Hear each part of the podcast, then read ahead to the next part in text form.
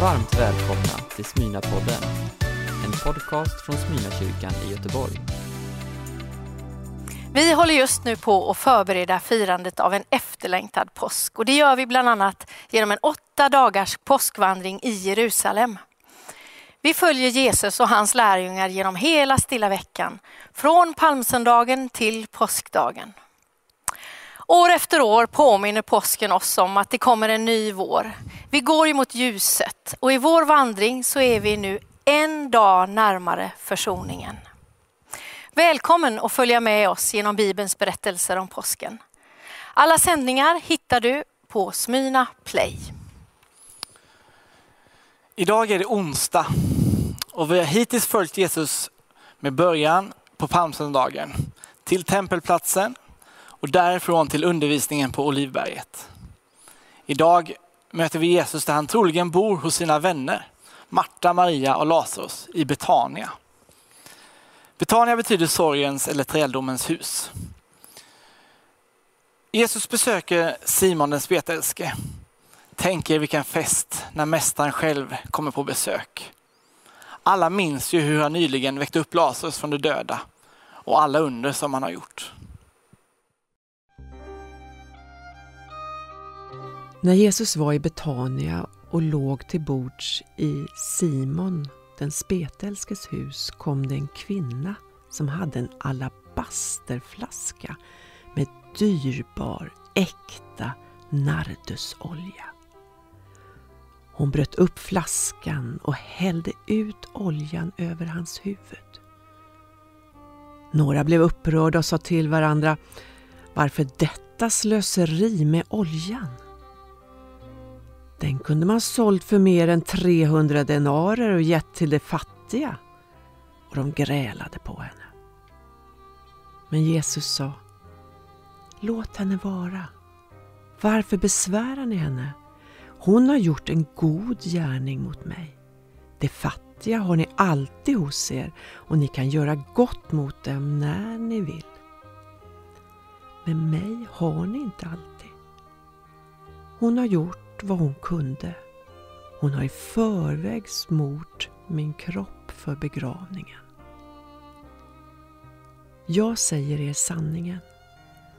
Överallt i hela världen där evangeliet förkunnas ska man också berätta vad hon gjorde och komma ihåg henne.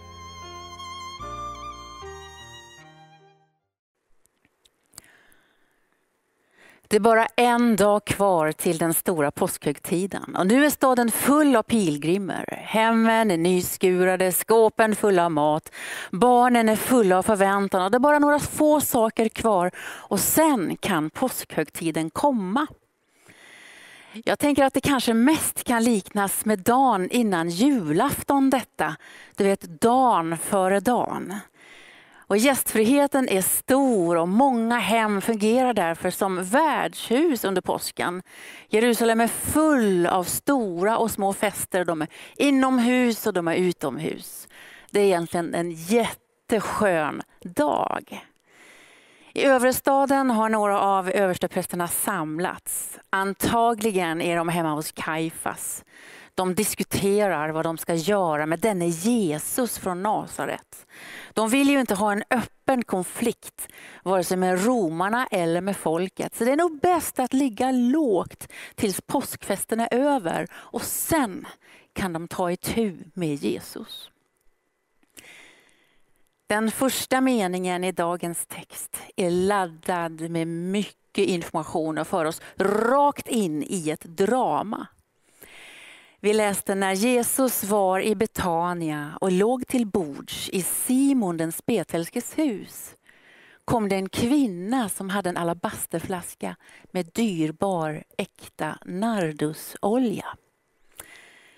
Alltså Jesus var i Betania. Och vad vet vi om Betania? Jo, Betania ligger bara tre kilometer från Jerusalem, så man kan alltså gå lätt mellan Betania och Jerusalem. På östsidan ligger byn om Olivberget med en fantastisk utsikt ner mot Jordandalen där solen stiger upp. Vidare vet vi att Maria, Marta och Lazarus bodde i den här byn, det här samhället. Vännerna du vet som Jesus så gärna återvände till. Vi vet också att det är kort tid efter att Jesus väckt upp Lazarus från de döda och att byborna är väldigt nyfikna om det verkligen stämmer det de hör. Och vem är denna Jesus egentligen? Sen vet vi också att Betania betyder sorgens hus, fattigdomens hus. Så det är här vi finner Jesus. Här trivs han, för här är han med sina vänner i fattigdomens hus. Om vi går till nästa rad. Jesus låg till bords hemma hos Simon den spetälske. Det här är en kort sats fylld med tyngd och mening. Vad vet vi om Simon? Ja, vi vet att han fick tillnamnet den spetälske på grund av sin sjukdom. Spetälska var alltså en fruktansvärd infektionssjukdom med mycket hög smittspridning. Och var man smittad sattes man gärna i karantän utanför samhället. Och efter ett ja, ganska exakt år med social distans som vi lever i nu så tror jag att vi lite lättare har att förstå mer av det här utanförskapet, mer av ensamheten som detta förde med sig. Kanske är det så att Simon var far till Maria, Marta och Lazarus. I så fall så dog Simon av sin spetälska. Men ikväll då, Ikväll är det dukat till fest i Simon den spetälskes hus. Kanske är det så att dörrarna och fönstren är öppna ut mot gatan så som det ofta var på den tiden. Det betyder att då, skulle, då kunde man stå utanför på gatan och liksom få med sig lite av festen. du vet va? För ryktet hade gått om att Jesus var i Betania och folk samlades utanför för att få en glimt av han som hade väckt upp Lazarus från de döda. Och ikväll då är det sista kvällen de kan äta ljust, saftigt bröd. Bröd som jäst och som gottat sig hela natten. Därför att påsken, Pesach, är det osyrade brödets högtid. Det betyder att de nästa åtta dagarna i högtiden så ska de äta osyrat bröd. Alltså bröd som inte jästs, som är gjort på mjöl och vatten och som är hårt. Och för den som smakat det här brödet så är det väl OK ett par dagar, liksom. men man är lätt mättad, kan jag lova när de får äta färskt vitt bröd igen. Så den här kvällen ligger doften av nybakat bröd som en ånga över hela Betania och Jerusalem och Israel. Så ligger det en djup skugga över festen. En oro som inte går att förtränga. Spänningarna sitter kvar från tempelplatsen. Det sitter liksom i maggropen. Därför översteprästerna var inte glada. De var arga. Både på Jesus och på Lazarus.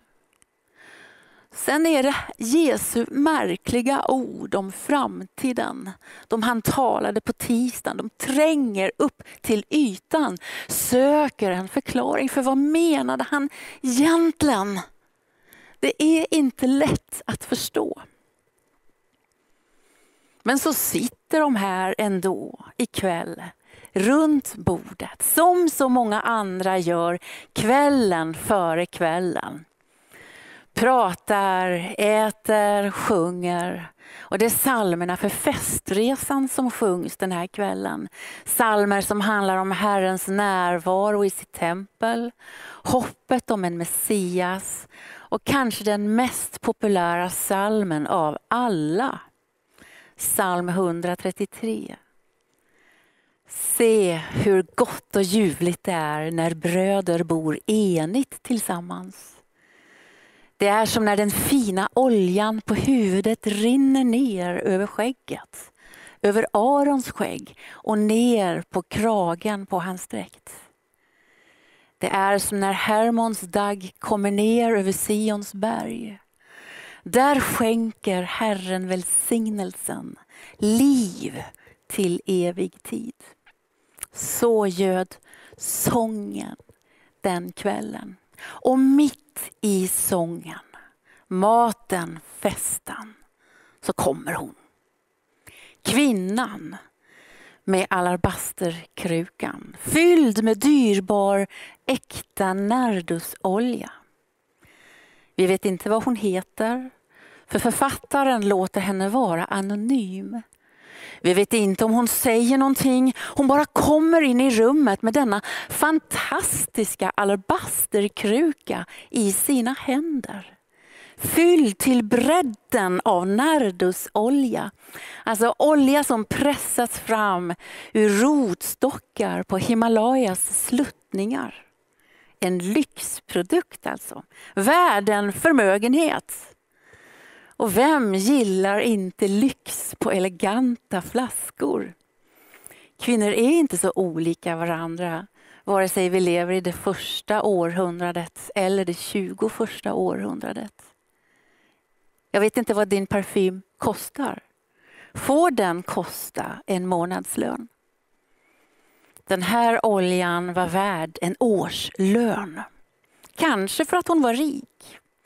Eller kanske också hade hon fått den av en beundrare. Oavsett, va?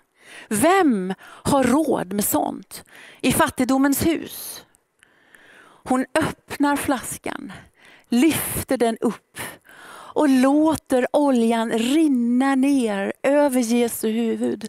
Ner över skägget, ner över kragen på hans dräkt. Och rummet stannar upp, fryser till. Vad hände nu? Inte ett ord går över hennes läppar. Ändå säger hon allt. Delade meningar sprider sig som en löpeld runt bordet i fattigdomens hus. För först bryter hon etiketten genom att gå in till mannens bord. Sen blir hon överdrivet känslosamma. Typiskt tjejer tar till en överivlad handling. Vilket slöseri detta var. Kunde hon inte ha gett denna dyra fina gåva till fattiga? Men Jesus försvarar henne. Låt henne vara. Sluta göra henne ledsen för hon har gjort något bra, säger han. De fattiga har ni alltid hos er. Och ni kan göra gott precis när ni vill, men mig har ni inte alltid. Så har kvinnan alltså förstått mer, direkt eller indirekt, än Jesu närmaste lärjungar. Och kontrasten är skarp mellan hennes insikt om vad som väntar Jesus och lärjungarnas fokus på det andliga. Jesus tar emot hennes gåva. Han förstår vad hon gör, vad som sker. För alabasterkrukan är det finaste hon äger. Den är hela hennes framtid och frihet på flaska eller i en kruka. Det finns en gudomlig intuition i det hela. Och Jesus erkänner en exakt profetisk handling när hon säger, han säger hon har smort mig till min begravning.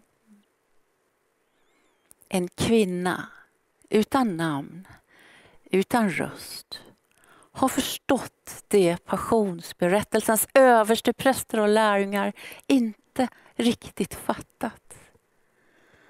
Att Guds tid är inne. Jesu lidande och död är en del av Guds plan. Kanske är det Maria som smörjer Jesus. Kanske är det en annan kvinna. Men både Markus och Matteus säger att kvinnan smörjer Jesu huvud. Alltså inte hans fötter. Och det ligger en viktig skillnad i detta. Det sker här, just nu, en dubbel dubbel smörjelse. Kvinnan smörjer honom inför hans begravning, ja. Men hon smörjer honom också för en uppgift.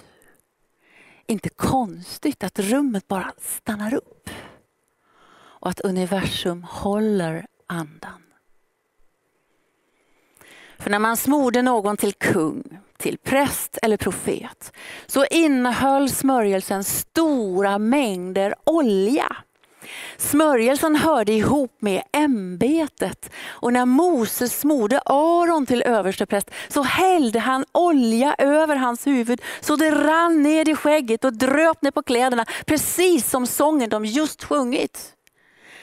När profeten Samuel skulle smörja David till kung tog han sitt oljehorn, höll upp det och lät oljan rinna över Davids huvud så står det om David att från den dagen var Herrens ande över honom.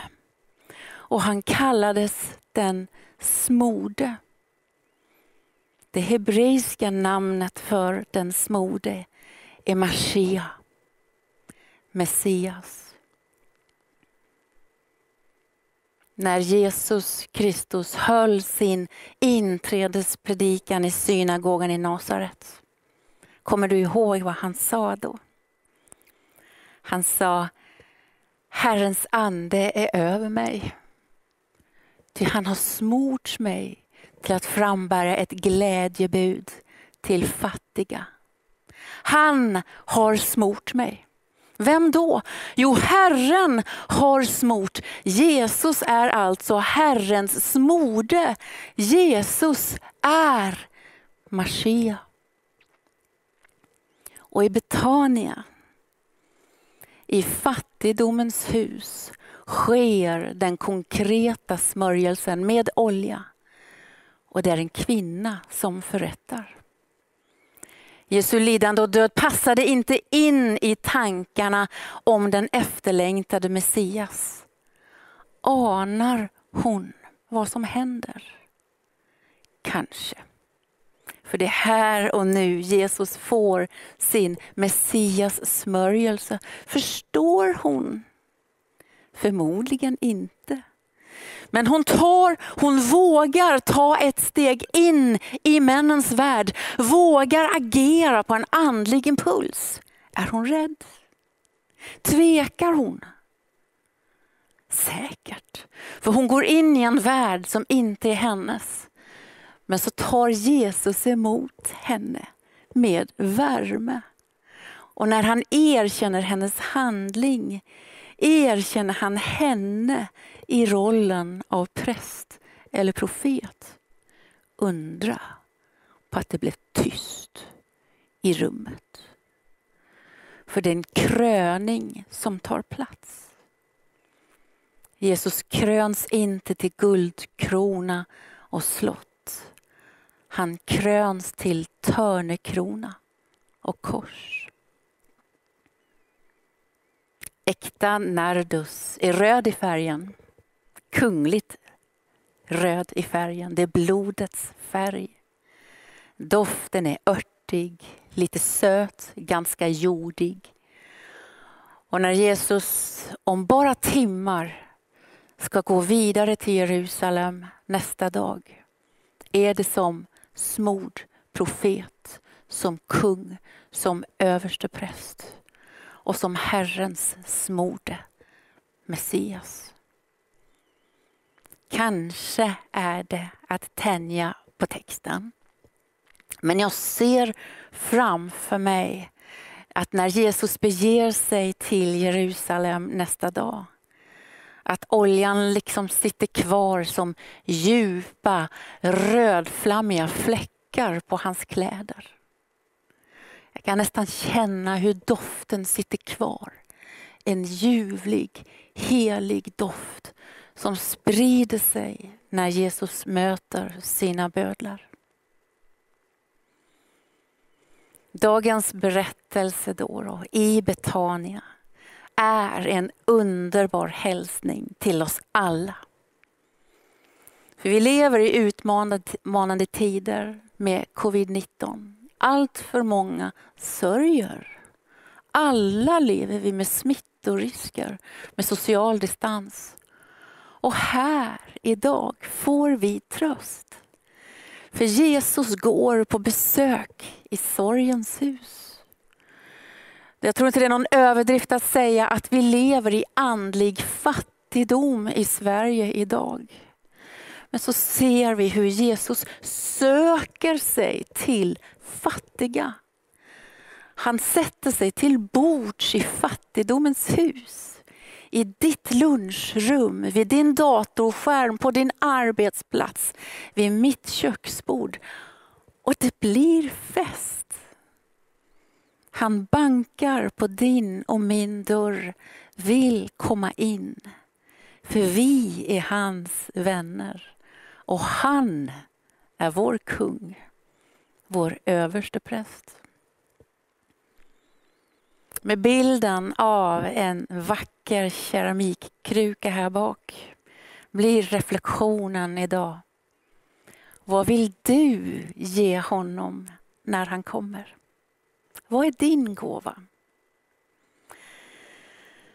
Jag tänker att den här krukan är nästan som livet själv. Den är bräcklig. Den kan gå sönder. Den får sprickor, repor. Men det är faktiskt genom just sprickorna som skatten i lerkärl kan lysa. Och Jesus förstod kvinnans gåva. Han ser och han förstår din gåva. Gud välsigne dig. Ska vi be tillsammans.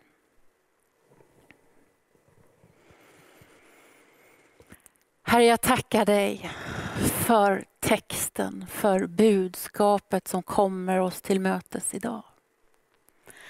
Tack Jesus Kristus att du besöker fattigdomens hus, sorgens hus och du besöker sångens hus. Du besöker den smittades hus, Herre, och du besöker den friskes hus. Du besöker här och knackar på dörren i den tvivlandes hus, Herre, och i den troendes hus. Tack Herre att du vill komma in och du sätter dig vid vårt bord. Ser oss in i ögonen Herre, för du känner oss och du älskar oss. Jesus Kristus, tack för din enorma kärlek. Och tack Jesus Kristus att du hela tiden gick vidare mot Jerusalem och mot korset för att kunna sitta vid mitt bord. Amen.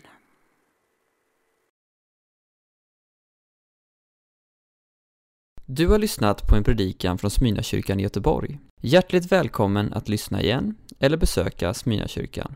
Gud välsigne dig och din vecka.